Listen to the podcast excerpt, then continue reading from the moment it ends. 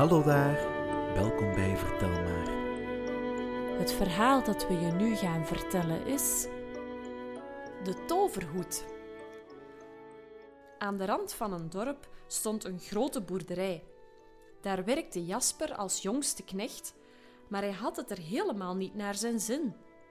Niemand zag hem staan, behalve als er weer een vervelend klusje te doen was. Boer Botteblik was een strenge baas.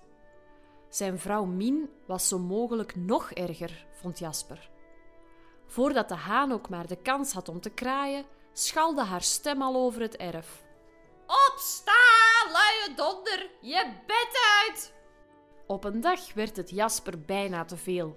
Eerst moest hij van Mien de varkenstal schoonmaken. Nou, dat viel niet mee.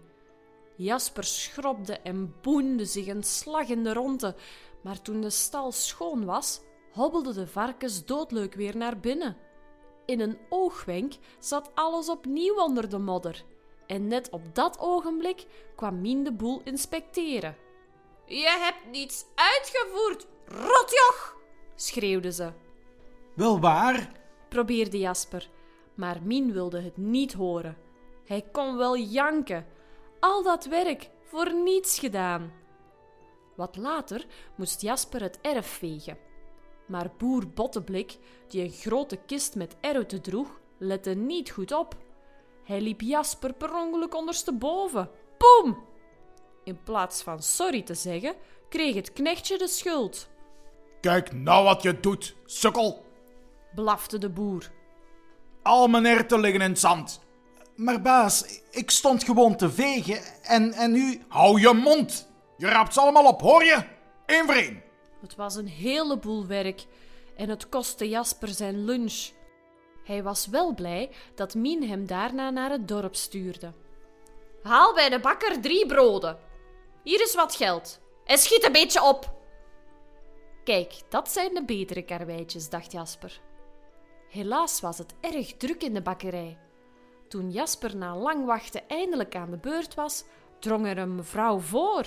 Bakker, ik heb een hele lijst boodschappen, zei ze, terwijl ze gewoon voor Jasper ging staan. Hé, hey, ik was eerder. riep Jasper. De bakker reageerde boos. Zeg, snotaap. In mijn bakkerij bepaal ik zelf wel wie ik als eerste help. Zegt u het maar, mevrouw Flop.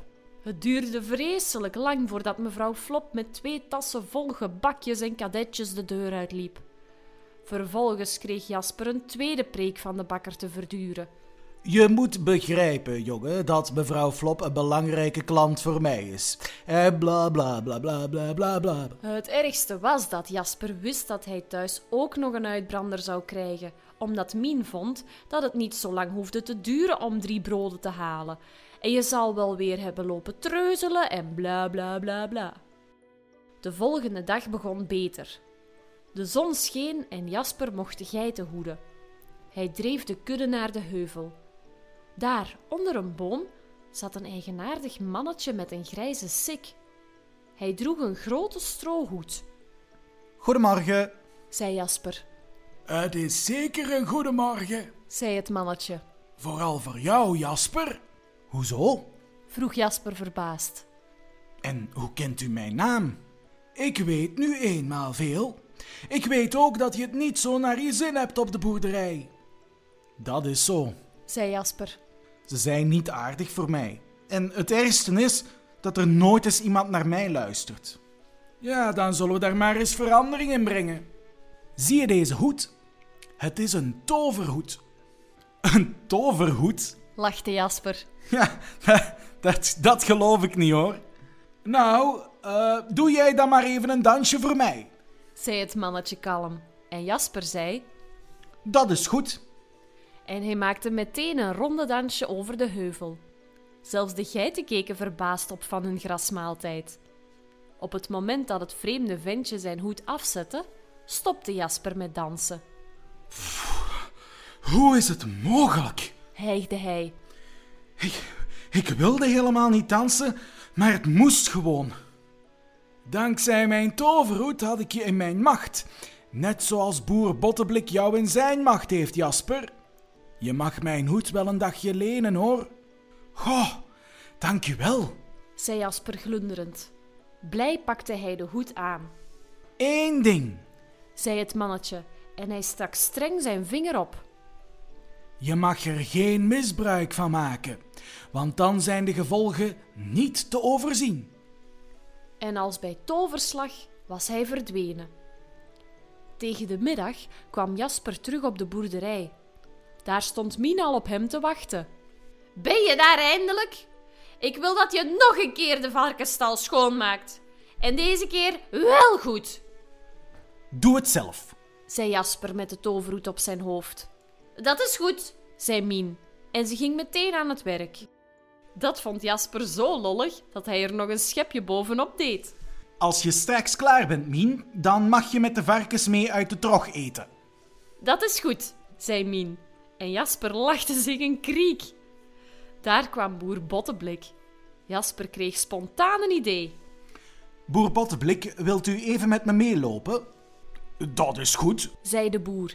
En toen liet Jasper hem een heleboel kisten, ertjes, linzen en tuinbonen omkeren op het erf. Die moeten allemaal keurig gesorteerd weer terug in de kisten. commandeerde Jasper. De boer antwoordde zonder morren met Dat is goed. en ging aan het werk. Die hoed is fantastisch. Zei Jasper. Laat ik mezelf maar eens goed verwennen. Hij liep naar het dorp waar hij mevrouw Flop tegenkwam. Dag mevrouw Flop, Zei Jasper vriendelijk. kruipt u maar even een rondje door het dorp. Dat is goed, zei mevrouw Flop. En Jasper moest vreselijk lachen toen ze meteen op handen en voeten verder ging. Bij de bakker liep hij de rij voorbij. Mag ik even voor? Dat, is, goed, zeiden alle klanten. Geeft u maar een paar gratis gebakjes. Zei Jasper tegen de bakker. De lekkerste die u heeft. Dat vond de bakker natuurlijk prima. En tevreden verliet Jasper de bakkerij. Maar intussen was het erg gaan waaien. Net toen hij aan het eerste gebakje begon, nam de wind zijn strohoed mee, Oei! riep Jasper. In de bakkerij keken de mensen elkaar verbaasd aan. De betovering was verbroken, Daar heb je die kwajongen. schreeuwde de bakker die Jasper nog net zag wegrennen. Grijp hem! De mensen in de straat keken verbaasd op. Eerst hadden ze zich al verwonderd over mevrouw Flop, die op handen en voeten door het dorp kroop. En nu zagen ze de bakker en zijn klanten achter een jochie aanhollen. Houd de dief! Riep de bakker. Houd de dief! Waar die plotse wind vandaan kwam, was een raadsel. Maar de hoed vloog het dorp uit in de richting van de boerderij. Aha, nu heb ik je. Brulde boer Botteblik woest. Hij zag Jasper aankomen en ging wijdbeens op de weg staan. Mij zo voor schut zetten, hè? Jasper dacht er alleen maar aan om de hoed te pakken, zodat iedereen weer zou doen wat hij wilde. Het ding tolde over de weg voorbij de boer, Pas op, achter je! riep Jasper, waardoor de boer van schrik omkeek. Vloep! Het slimme knechtje schoot tussen de kromme benen van zijn baas door. Gefopt! Achter hem liepen de bakker en de andere dorpelingen, boer Botteblik, finaal omver. Ze buitelden allemaal over elkaar heen. En net toen Mien de varkenstal uitkwam. Ze zat helemaal onder de modder en zag Jasper weghollen. Daar gaat dat rotjoch. Jasper, kom hier. Maar die rende nog altijd achter de hoed aan, achtervolgd door het echtpaar Botteblik en de bakker met zijn klanten. Het stormde hard en de strohoed is zo licht als een veertje. Jasper zag hem niet meer en was bang dat de boze mensen hem te pakken kregen.